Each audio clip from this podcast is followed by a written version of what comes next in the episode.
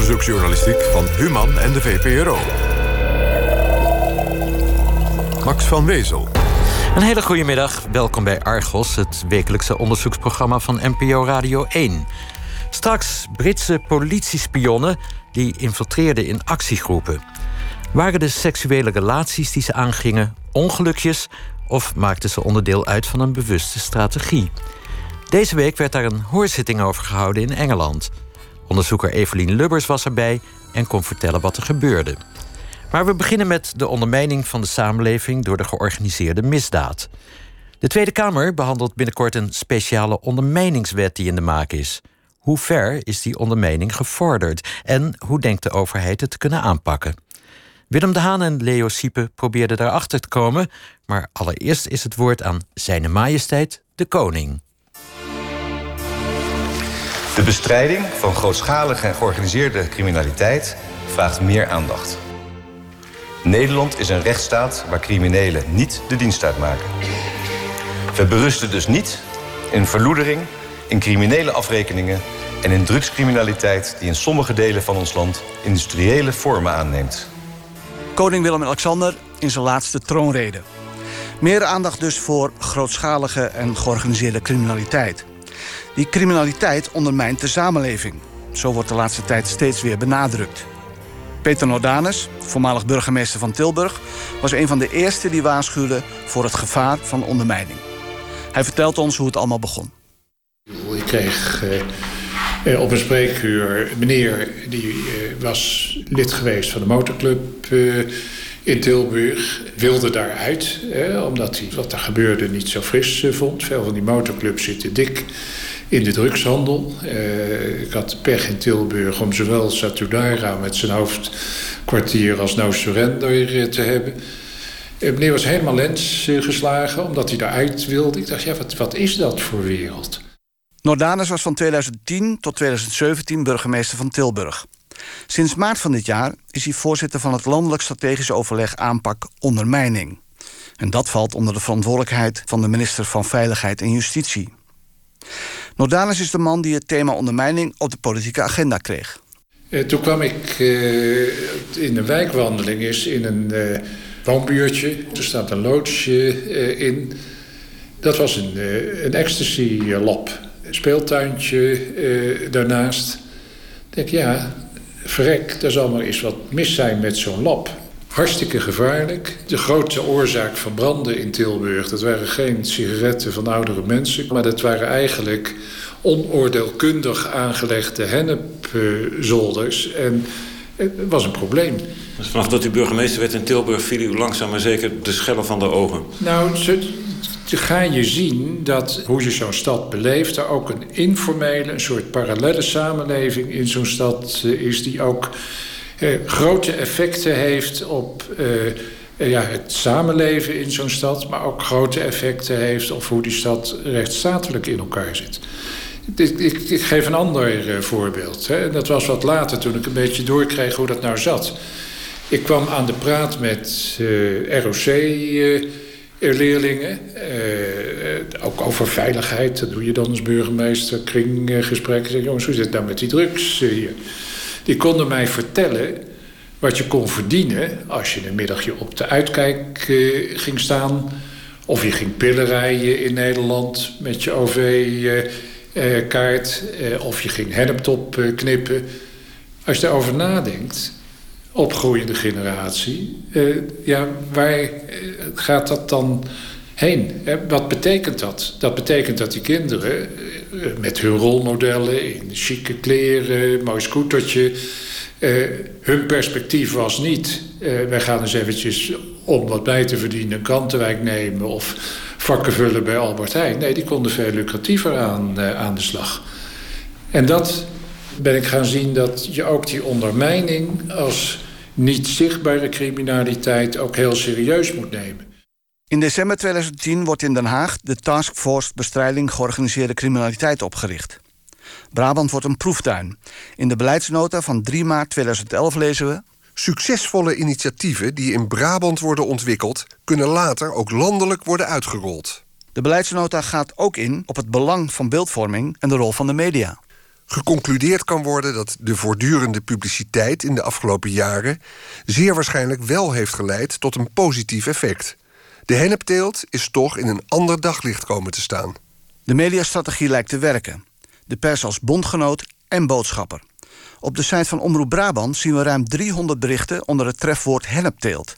Ook zien we allerlei reportages, waarbij de omroep meeloopt met de politie bij invallen in drugspanden. Bijvoorbeeld in oktober 2017. Opnieuw een politieactie tegen de georganiseerde criminaliteit vandaag. Wietcriminelen, daar ging het om. In alle vroegte viel een leger aan agenten binnen op verschillende adressen in meerdere Brabantse plaatsen. Geen afgelegen schimmige schuurtjes in het buitengebied... maar huizen in doodnormale woonwijken werden doorzocht. Ook bedrijven werden ondersteboven gekeerd. Bij de actie waren 150 agenten betrokken. Ze vielen tegelijkertijd panden binnen in Tilburg, Eindhoven, Goorlen en Kaatsheuvel. En er werd gezocht naar drugs, wapens en explosieven. De ontwrichtende werking van de drugscriminaliteit op de samenleving komt vanaf 2010 steeds nadrukkelijker op de politieke agenda. Nordanus wil in 2012 een beter inzicht in de omvang van de problematiek en vraagt de Universiteit van Tilburg om een onderzoek. In 2013 komen de resultaten naar buiten. En daar kan niemand meer omheen. In Tilburg alleen al zouden tussen de 600 en 900 hennenplantages zijn waar zo'n 2500 mensen werken. De omzet van de wietteelt zou groter zijn dan de gemeentebegroting. Politie! In januari 2017 verschijnt een boek van hoogleraar bestuurskunde Pieter Tops en journalist Jan Tromp onder de titel De achterkant van Nederland. Hoe onderwereld en bovenwereld verstrengeld raken. Tromp en Tops, die overigens ook lector is aan de politieacademie, beschrijven een horrorscenario. Een gemeentehuis gaat in vlammen op. Burgemeesters worden bedreigd, gemeenteraden geïnfiltreerd. Schatrijke criminelen financieren sportclubs. In volkswijken zijn drugsbazen de nieuwe welzijnswerkers. Als een Turkse jongen op straat wordt neergeschoten, komt motorclub Statudara het verkeer regelen. Dat is de achterkant van Nederland. Het boek herhaalt nog eens de conclusie uit het Tilburgse onderzoek. De omzet van de wietteelt in Tilburg is jaarlijks tussen de 750 en 900 miljoen euro. We zijn nu in het uh, voormalige hoofdkantoor van AVB, de plek waar de plantage zich bevindt. Het is donker, maar hier zie je de aggregaat staan. Die zorgen voor uh, de stroomvoorziening. Als we dan verder lopen, dan zien we hier al een aantal stekjes.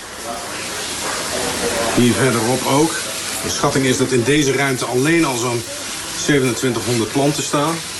Niet alleen in Brabant is er aandacht voor de ondermijnende werking van de wietteelt. We zijn nu in de gemeente Midden-Groningen. Een reportage van RTV Noord van 4 juni van dit jaar.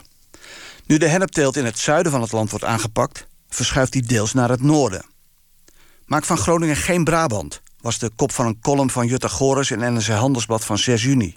Twee dagen na de politieactie. De verslaggever van RTV Noord was onder de indruk... van wat de politie hem liet zien.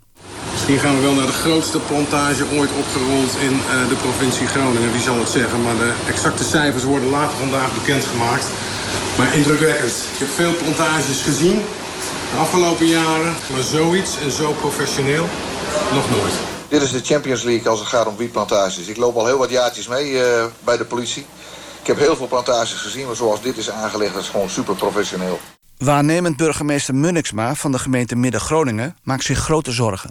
Ik ben al vijf maanden waarnemend burgemeester in uh, Midden-Groningen. En ik heb gemiddeld op dit moment één oprolactie per week. En dat zegt wel wat. De criminaliteit op dit uh, terrein zat meer in het zuiden van, van Nederland. Maar op dit moment ontdekken ze ook heel veel panden in Noord-Nederland. ja, dat baat mij grote zorgen. Goedemiddag, ik had een afspraak met Gert Veuring. Wat is de naam? Ja, De Haan. Willem de Haan. Mag ik verder komen? Kan ik even bezoekerspost? Oké, okay. kan hier door het poortje? Ja. We zijn op bezoek bij het Openbaar Ministerie in Groningen. Het nieuwe toverwoord bij de bestrijding van ondermijnende criminaliteit is de integrale aanpak. De strijd is niet uitsluitend meer een zaak van politie en justitie. Door samenwerking met andere overheidsinstanties zoals FIOD, Belastingdienst, gemeenten en provincies is een doortastende aanpak mogelijk. Gert Veurink, hoofdofficier van Justitie Noord-Nederland. Dat is inderdaad uh, een relatief recente ontwikkeling. Dat we meer naar uh, gewenst effect kijken, niet alleen naar een zaken. Wij zijn natuurlijk van de afdeling opsporing en vervolging als Openbaar Ministerie. Uh, maar we willen natuurlijk ook graag bijdragen aan het beëindigen van crimineel handelen. En dat is, nou ja, de aanpak ondermijning wordt nu veel over geschreven en gesproken. Het is natuurlijk bewezen effectiever om dat samen met andere partijen te doen die ook in dat veld opereren. En dat, het is ingewikkeld als het gaat over het delen van informatie. Dat is allerlei privacywaarborgen vanzelfsprekend, ook heel belangrijk. maar er moet dus goed naar gekeken worden onder welke waarborgen je met elkaar toch kan samenwerken. En zo zijn in het land, in alle verschillende provincies of eenheden, zijn ja, zogenaamde RIEKs dus opgericht. waarbij dat goed geregeld is. Daar zitten die partijen in. Die samenwerking vindt plaats in zogenaamde RIECs, regionale informatie- en expertisecentra. Steeds vaker wordt ervoor gekozen om de burgemeester te laten optreden, bij bijvoorbeeld drugsoverlast, in plaats van een strafrechtelijk onderzoek te starten. De burgemeester als crimefighter is vaak effectiever. Burgemeester Vert Kronen van Leeuwarden is namens de Vereniging Nederlandse Gemeenten voorzitter van de landelijke werkgroep ondermijning. Daarin zitten 40 gemeenten. Het kabinet stelde onlangs 100 miljoen euro ter beschikking om georganiseerde misdaad tegen te gaan. Nou, dat is het mooie. Vroeger, we hebben natuurlijk de, de lokale driehoek, maar daar zit de Belastingdienst niet bij. Bovendien zit er in de, in de ambtelijke capaciteit van gemeentes, en Leeuwarden heeft dan nog daar prioriteit in, maar kleinere gemeentes kunnen dat gewoon niet. Je hebt helemaal geen kennis daarvan. Dus wat we nu doen, als we dit soort dingen ruiken, dan pakken we die spaghetti-draadjes bij elkaar en dan kijken wat kun je het best doen. Soms zegt de justitie: joh, doe jij het alsjeblieft als burgemeester, want ik kan toch niks. Ik ben er jaren mee bezig en die zaak gaat toch stuk. Terwijl ik soms, bij spreken, binnen twee weken een uh, zaak kan sluiten. En dat, het, het, geheim is dat we dat nu echt openlijk bespreken met elkaar. En we noemen het altijd: we zijn één overheid. Het maakt voor de burgers niks uit of we een crimineel pakken via strafrecht of via bestuursrecht of fiscaal. Als we het maar doen. Een georganiseerde overheid tegenover de georganiseerde misdaad. Die misdaad neemt nog ergere vormen aan als de onderwereld zich met de bovenwereld vermengt. Dirk ten Boer is officier van justitie en teamleider ondermijning Noord-Nederland. We komen hem tegen op de Universiteit Groningen bij een drukbezochte lezing over ondermijning. Ten Boer noemt een huiveringwekkend voorbeeld. Het was in een klein dorp. En daar woonde een man. En die man die was rijk. Had een klein bedrijfje, maar iedereen wist dat bedrijfje kon dat geld niet opbrengen. Maar de man was aardig. De man was sociaal bewogen. En hij liet het dorp mee profiteren van zijn geld. Hij gaf een stukje geld aan het bejaardenhuis. Hij gaf een stukje aan een voetbalclub. Zorgde samen met de gemeente dat daar een heel mooie sporthal kwam. En vervolgens ging hij samen met de burgemeester die sporthal openen. En ik kreeg alle ega's om daarmee te doen. Toen wilde hij een heel mooi huis kopen. Een huis van bijna een miljoen euro. Ja, die wilde hij even cash betalen. Maar belasting erover, dat moet toch ook eigenlijk maar niet al te veel betaald worden. Dus inmiddels had hij de makelaar ook in het dorp leren kennen. En hij dacht van nou, weet je wat? Als we nou de helft onder de tafel doordoen, krijg jij 10% van dat geld. En uiteindelijk is de koper spekkoper, want die hoeft de helft met de belasting te betalen. Dus het duurde maar even. Of hij was bevriend met de makelaar, die vervolgens meeging in crimineel handelen. Hij was bevriend met de burgemeester, kreeg allerlei dingen voor elkaar op gemeentelijk terrein. En hij werd ongeveer de koning van het dorp. Maar waar had dit nou dat geld vandaan? Ja, er was niemand meer die dat vroeg. Uiteindelijk bleek het een van de topmensen zijn van een grote criminele organisatie in het westen van het land. En hij kon op die manier uitstekend functioneren. Ja, daar heb je de ondermijning. Vert Kronen geeft een voorbeeld uit eigen ervaring hoe een burgemeester snel en slagvaardig kan optreden. Het gaat om een café in Leeuwarden, een bekend café, Bar Koos. Ik kan dus om overlast in de buurt te vermijden, om herhaling van jeugd- en alcoholmisbruik te voorkomen, kan ik dus, in dit geval Bar Koos was een heel beroemd voorbeeld hier in de stad, toen hoorde ik dus van de wijkagent de volgende ochtend... er heeft zich bij mij moeder gemeld en haar dochter is daar verleid om te drinken. Dat meisje was bijna in coma, al coma, dus het was een ernstig geval. En de wijkagent zei, wat gaan we doen? Ik zeg, die gaat dus dicht. Dat zei ik dezelfde ochtend al nadat het gebeurd was. Vervolgens krijg je dan natuurlijk een heel proces, want je moet het wel opschrijven, je moet het kunnen bewijzen. Maar dat was in dit geval geen probleem. Dus er hoefde geen agent aan te pas te komen, geen strafrechter aan te pas te komen, geen officier van justitie. Want ik kon gewoon puur besluiten op grond van hier wordt iets gedaan wat we niet willen in, in de stad. Dan staat ook keurig netjes in het reglement, de APV, wat door de gemeenteraad is vastgesteld. Overtreding van alcohol, jongeren, wapens en harddrugs in een kroeg, dan gaat u dicht. Op 24 juli maakte minister Grapperhaus in een brief aan de Tweede Kamer bekend op welke manier hij de ondermijnende criminaliteit wil aanpakken. Hij wil een nieuwe wet, de ondermijningswet. Kern van die wet is een veel grotere bevoegdheid voor de burgemeester om op te treden. Daar is niet iedereen enthousiast over. We spreken Jeroen van Brugge, rechter in Groningen en voorzitter van de Fraudekamer van de rechtbank. Ja, het is natuurlijk zo als je dat via het strafrecht doet, dat dat een zaak van de lange adem is. Uh, een strafrechtelijk onderzoek naar ondermijning is vaak heel ingewikkeld. Dat vergt heel veel van de politie of andere opsporingsdiensten.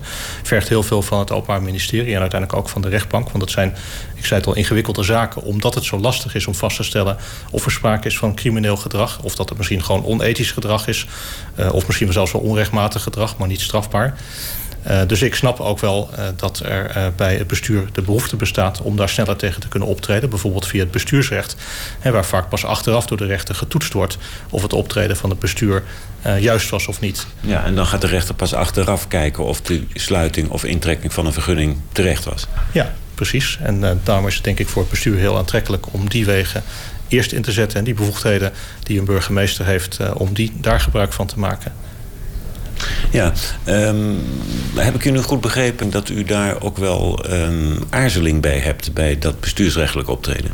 De aarzeling bestaat er daarin dat je natuurlijk in dat soort zaken pas achteraf als rechter kijkt of het optreden juist is geweest. Dus dat neemt het risico, uh, bergt dat in zich dat de rechter pas achteraf moet vaststellen dat het eigenlijk helemaal niet goed was wat het bestuur deed.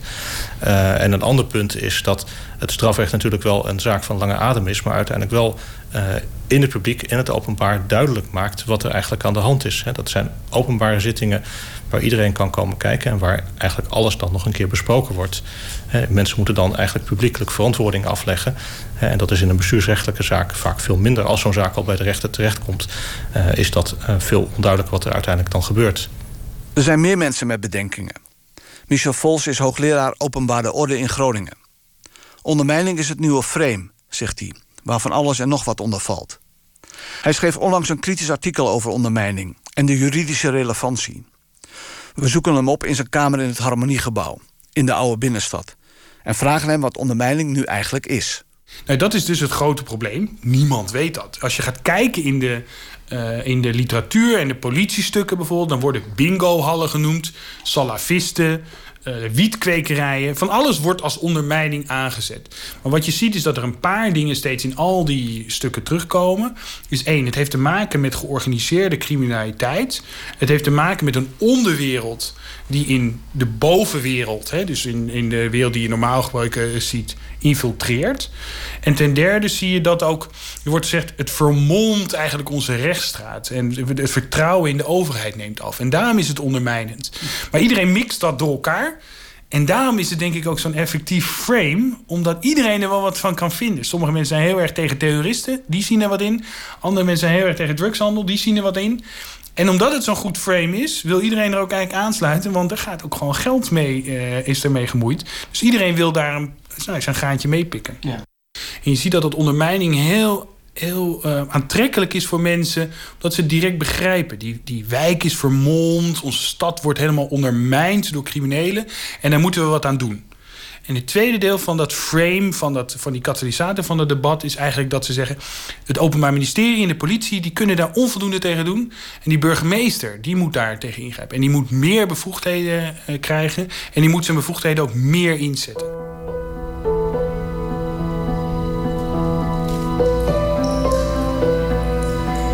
Terug naar Brabant, naar de gemeente Tilburg, waar meer geld in de wiethandel zou omgaan dan in de hele gemeentebegroting. Die conclusie komt uit een onderzoeksrapport dat in 2013 verscheen onder de titel Integraal Appel. Maar wat staat er eigenlijk in dat rapport? Hoe is die berekening tot stand gekomen? En wat zijn de bronnen? Nu wordt het mistig, want dat rapport is vertrouwelijk. Hoogleraar Vols probeerde het te pakken te krijgen, maar zonder succes. En als wetenschapper zeg ik dan, ja, dat wil ik wel eens checken. Als we daar heel veel wetten voor gaan maken en ons beleid op aangepast en heel veel geld aan uitgeven, wil ik dat checken. Dat is niet te checken. En ik vind dat nogal wat om, om dan daar uh, beleidswijzigingen op aan te brengen. Misschien is het waar, maar dan wil ik die cijfers ook wel zien. Na lang zoeken en enig trekken en duwen krijgen we het rapport uiteindelijk in handen. We zien nu hoe de berekening tot stand is gekomen en ook wat de bronnen zijn. Een insider meldt zich. Het komt maar zelden voor dat insiders die over een brede kennis beschikken van de gang van zaken in bepaalde criminele milieus openheid van zaken geven. Een dergelijke unieke situatie deed zich voor in 2012. Toen een man die zelf nauw betrokken was bij de wietcriminaliteit in Midden-Brabant het politiebureau binnenstapte en zich bereid toonde verklaringen af te leggen. Deze insider blijkt de cruciale bron in het rapport. Hij wordt een bedreigde getuige genoemd. Maar wat vertelde hij aan de politie van Tilburg? De bedreigde getuige maakte een schatting van de totale hoeveelheid wiet die in Tilburg en omgeving aan opkopers wordt aangeboden. Het zou volgens hem gaan om 4000 kilo natte wiet. Op basis van deze mededeling wordt door de opstellers van het rapport een reeks berekeningen gemaakt. Natte wiet wordt omgerekend naar droge wiet. Dagomzet naar weekomzet. Weekomzet naar jaaromzet. Ook wordt berekend hoeveel wietplanten voor deze veronderstelde productie nodig zijn en hoeveel plantages je daarvoor nodig hebt. De informant heeft verder verteld dat er volgens zijn schatting in Tilburg en omgeving dagelijks zo'n 2500 personen werkzaam zijn in de wietteelt. Hoe die aan dat aantal komt, blijft volstrekt onduidelijk. De conclusie klinkt alarmerend. Wanneer deze schattingen ook maar enigszins de werkelijkheid benaderen, zijn de financiële opbrengsten van de wietteelt gigantisch. Er volgt weer een reeks berekeningen, met als uitkomst. Dit zou betekenen dat er op jaarbasis tussen de 728 en 884 miljoen euro wordt binnengehaald. Alleen al in deze regio. Dit is dus de rekensom waarop de vergelijking met de gemeentebegroting is gebaseerd. Op basis van de verklaring van één bron, een criminele bron, die ook nog anoniem is. We snappen elkaars punt. Uh, jij uh, vindt het een ongevalideerd uh, rapport en een rapport waar jij van zegt dat is een anoniem rapport. Oud-burgemeester Nordanus, die de opdracht voor dit rapport gaf, reageert korselig op onze vragen. Dat vind ik letterlijk en figuurlijk een academische discussie. Want zelfs al relativeer je de cijfers wat, dan, dan redeneer je de omvang van het probleem uh, niet weg. Zo'n getuige die zich meldt bij de politie, ja, hoe betrouwbaar is hij? En hoe groot zijn de aannames die dan uiteindelijk in een wetenschappelijk rapport worden neergeschreven, waarvan er later beleid wordt gemaakt door u en de zijnen? Ja, je gooit het nou op uh, die ene uh, getuige. ik vond het een goede illustratie. Dat is iets anders dan de uitsluitende basis voor beleid. Ik vond het een goede illustratie van de omvang van het vraagstuk eh, in de stad waar ik toen verantwoordelijkheid eh, eh, voor droeg. Maar de omvang wegredeneren, dat, dat gaat je niet lukken. Zelfs als Argos niet. En als dat je punt is, dan ja, succes. Dan kijk je naar de methodiek, wetenschappelijke methodiek, maar niet naar het probleem. Nordanus verwijst naar wetenschappers die de informatie van de anonieme bron zouden staven. Maar in het rapport zelf wordt erover gezegd. In de afgelopen jaren zijn wel pogingen gedaan om de omvang van de productie te schatten. Dat leverde hoogst uiteenlopende cijfers op. Toon van der Heijden, die op dat moment als onderzoeker werkte bij het korps Landelijke Politiediensten, kwam in 2006 uit op een ondergrens van de jaarlijkse productie van 323 ton en een bovengrens van 766 ton. Hoewel de bronnen beperkt en deels onvolledig waren en er dus terechte kritiek op mogelijk was, bleken er ook geen andere of nauwkeuriger basisgegevens voorhanden om een betere schatting van de omvang van de wietteelt te kunnen maken. Na Van der Heijden waagde dan ook geen enkele wetenschapper zich meer aan een nieuwe berekening. We leggen het vertrouwelijk rapport voor aan onderzoekster Nicole Maalsteen. Zij houdt zich al decennia lang bezig met onderzoek naar de hennepteelt in Brabant. Maalstee is sociaal wetenschapper, werkt aan de Universiteit van Utrecht en is auteur van het boek De Wietindustrie. Nou ja, ik vind dit een volstrekt onbetrouwbaar rapport. ja, allereerst omdat er aannames zijn gedaan op basis van uh, wat één spijtoptand heeft verteld over een uh, markt. En uh, daarop zijn aanname na aanname na aanname zijn berekeningen uitgevoerd die een beeld creëren waarvan je kunt afvragen of dat wel klopt. Maalstee vraagt zich af hoe deze ene persoon zich kan hebben op het hele drugscircuit in Tilburg. Het kan heel goed zijn dat deze man over het stukje markt waar hij zicht op heeft, een betrouwbaar verhaal heeft uh, verteld. Maar hij heeft maar zicht op een heel klein stukje, ook in Tilburg, maar een heel klein stukje. Het is onmogelijk dat deze man een volledig beeld kan geven van de markt in Tilburg of rondom Tilburg. Maar waarom is dat onmogelijk? Want hij heeft heel veel collega's die hij kent en hij weet precies hoe die markt in elkaar zit. Nee, maar niemand kent iedereen binnen. Hij, dat, dat geldt zelfs uh, voor de koffieshop-ondernemers in Tilburg. Uh, die kennen elkaar wel. Maar dat wil niet zeggen dat zij van elkaar weten wat er wordt omgezet, hoe groot uh, uh, de handel is in een bepaalde winkel. Laat staan dat een teler dat weet. Is dit een voorbeeld van framing? Ja, ik vind dit een voorbeeld van framing. We laten het rapport ook lezen door hoogleraar Michel Vols. Ook hij is kritisch. Als je kijkt, wat is daar nou vooral de bron voor? Is dat één persoon die uit de school is geklapt, uit het criminele circuit... en dan allerlei schattingen doet. En dan ook niet helemaal duidelijk waarop dat ziet. Hè. Dus dat noemt hij de regio Tilburg. Ja, dus we weten ook niet of dat de stad is of nou ja, alle andere dorpen eromheen. Nou goed, je kan zeggen, een crimineel die uit de school klapt... Uh, die kent dus uh, de geheimen van de keuken. Dus die weet, uh, ja, die weet wel degelijk hoe dat een beetje in elkaar zit daar. Dus die is eigenlijk heel betrouwbaar. Nou ja, ik zou zeggen, wat hij zegt is interessant. Maar dat is niet één op één als iemand wat zegt, dat het dan ook meteen zo is. Deze persoon, die niet door de onderzoekers trouwens zelf is gesproken, maar door de politie, waarvan we ook niet precies weten wat zijn belang is en wat zijn deal is met, het, met, met de politie om dat dan te gaan spreken. Waarom die uit die criminele organisatie is gestapt met wie die allerlei conflicten heeft. Deze persoon kan ook een andere agenda hebben. Waarom klapt die precies uit de school? En ik zou zeggen, één bron is dan geen bron. Dus om nou te zeggen, die gemeentebegroting die is eh, kleiner dan de drugsindustrie... dat zou ik niet zo... Dat, dat bekt lekker. En dat is interessant om te zeggen. Maar dat kan niet op basis van dit rapport. Uh, ik zeg niet dat er niks aan de hand is. Dat geloof ik best. En ik ben ook in de hennenplantages in Tilburg en in de Vogeltjeswijk geweest. Um, alleen om nou op basis van dit rapport te concluderen dat er dammen opbreken staan, dat gaat me net te ver. Daar moeten we toch echt meer onderzoek voor doen. En uh, ja, beter onderzoek dan dat er nu ligt. Waar een klein land groot in kan zijn. De titel van het vandaag verschenen rapport doelt daarbij niet op het wereldwijde succes van de Nederlandse DJ's of op onze kennis over water, maar over de handel in synthetische drugs.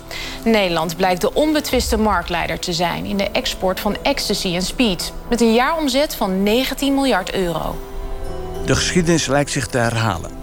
Eind augustus verschijnt een rapport van Pieter Tops over de omvang van de ecstasy-industrie in Nederland. Onderzoekster Nicole Maalstee ziet een parallel met het eerdere onderzoek naar de wiethandel in Tilburg. Ja, ik, ik zie daar wel een parallel. Ja. Ik denk dat zij uh, heel goed doorhebben als je met grote cijfers komt, grote hoeveelheden, dat dat um, helpt om urgentie te kweken voor een probleem. En dat je op die manier hè, daaraan koppelt dat je dus meer capaciteit nodig hebt om uh, dat op te rollen. In het jaarbericht 2016 van de Nationale Politie lezen we dat de politie in Zuid-Nederland na de verschijning van het Tilburgse rapport 125 fulltime functies vrijmaakte voor de bestrijding van ondermijning. En het Openbaar Ministerie 15 functies. Hoogleraar Vols. Eerst hebben we leefbaarheid gehad, daarna hebben we veiligheid gehad, daarna zagen we overlast een belangrijk punt. Nou ja, georganiseerde criminaliteit is een belangrijk punt. En nu is het opeens ondermijning. Maar als je ziet met welke snelheid het nu gaat, He, zie je dat het wel een heel succesvol frame is. Dus dat het heel goed in de markt wordt gezet. En dus door veel mensen ook wel direct wordt begrepen. Het lijkt erop dat in de aanloop van de, de behandeling van de ondermijningswet in de, in de Tweede Kamer, uh, ja, in, in, in de media, burgemeesters, maar ook hoofd van het Openbaar Ministerie, allerlei mensen komen voorbij om hun zorgen te delen met het publiek, zal ik maar zeggen, over hoe ver die ondermijning uh, voortschrijdt. Daar gebruiken ze vaak dezelfde voorbeelden van. Nou, je ziet dat slim de media en de publieke opinie en ook de politiek bespelen. En dan helpt het gewoon om goede voorbeelden te hebben. Dus dan zeg je de gemeente gemeentebegroting in Tilburg is minder groot dan de industrie, eh, de hennepindustrie. Dat zie je dus ook wel in allerlei lobbystukken eh, van de VNG en dergelijke. Die hebben zich daar achter, uh, achter geschaard van die ondermijningswet moeten komen. Ja, en als je dan een slimme lobby wil spelen, moet je wel een beetje aansprekende voorbeelden hebben. Schieten we te ver door in de strijd tegen de ondermijning? Ja, nou, ik denk dat de politiek heel uh, onaantrekkelijk is om hier allerlei vraagtekens bij, uh, bij te zetten. Want dan kom je misschien op voor criminelen. Um, ja, dan, dan misken je het probleem. Um, aan de andere kant zie je dus ook wel dat die hennenplantages er zijn. Dus je, je snapt ook wel soms de, de wanhoop van bestuurders en van politici en van OM en van politie. We willen daar wat tegen doen, want we worden voorbij geraasd. Dat is het gevoel. Maar dan moeten we wel eerst zeker weten: is dat zo dat we voorbij worden gereisd? Is het erger dan vroeger? Werken onze methoden dan echt niet? Voordat we dan, nou ja, met een hagelschot allerlei nieuwe bevoegdheden gaan, uh, gaan lanceren. Um, zeker als je ziet hoe ingrijpend dat kan zijn voor mensen als burgemeesters panden sluiten of ondernemingen stoppen, verenigingen verbieden, uh, gebiedsverboden geven. Dat is geen kleinigheid. Dat is echt een stoomwals die over mensen heen kan rollen. Uh, ja, daar moeten we toch iets secuurder over zijn of we dat in onze maatschappij willen doen.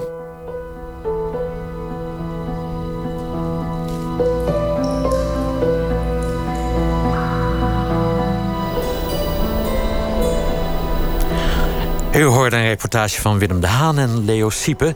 Techniek Alfred Koster, eindredactie Huub Jaspers. De reportage kon mede worden gemaakt dankzij een financiële bijdrage van het Mediafonds Groningen. Straks Spycops in Engeland, maar eerst Tracy Chapman.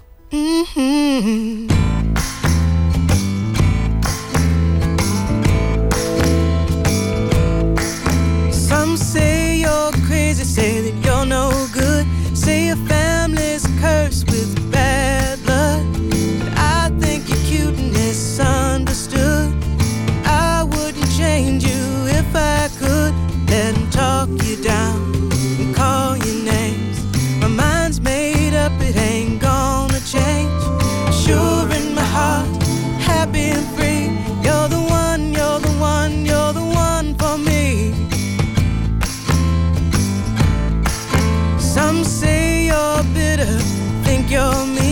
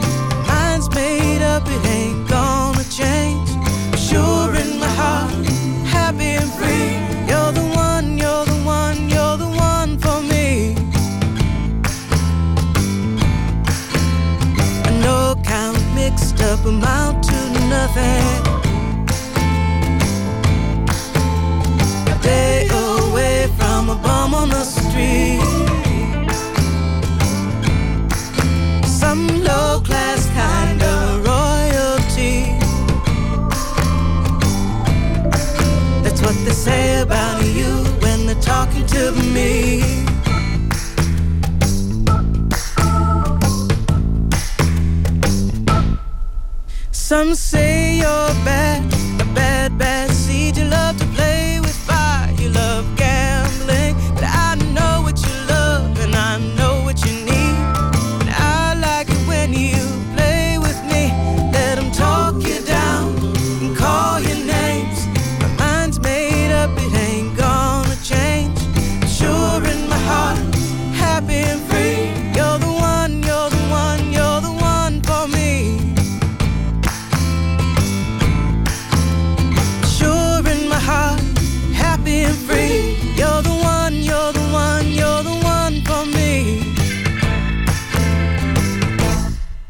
Tracy Chapman en You're the One for Me. Nou, dat had op het volgende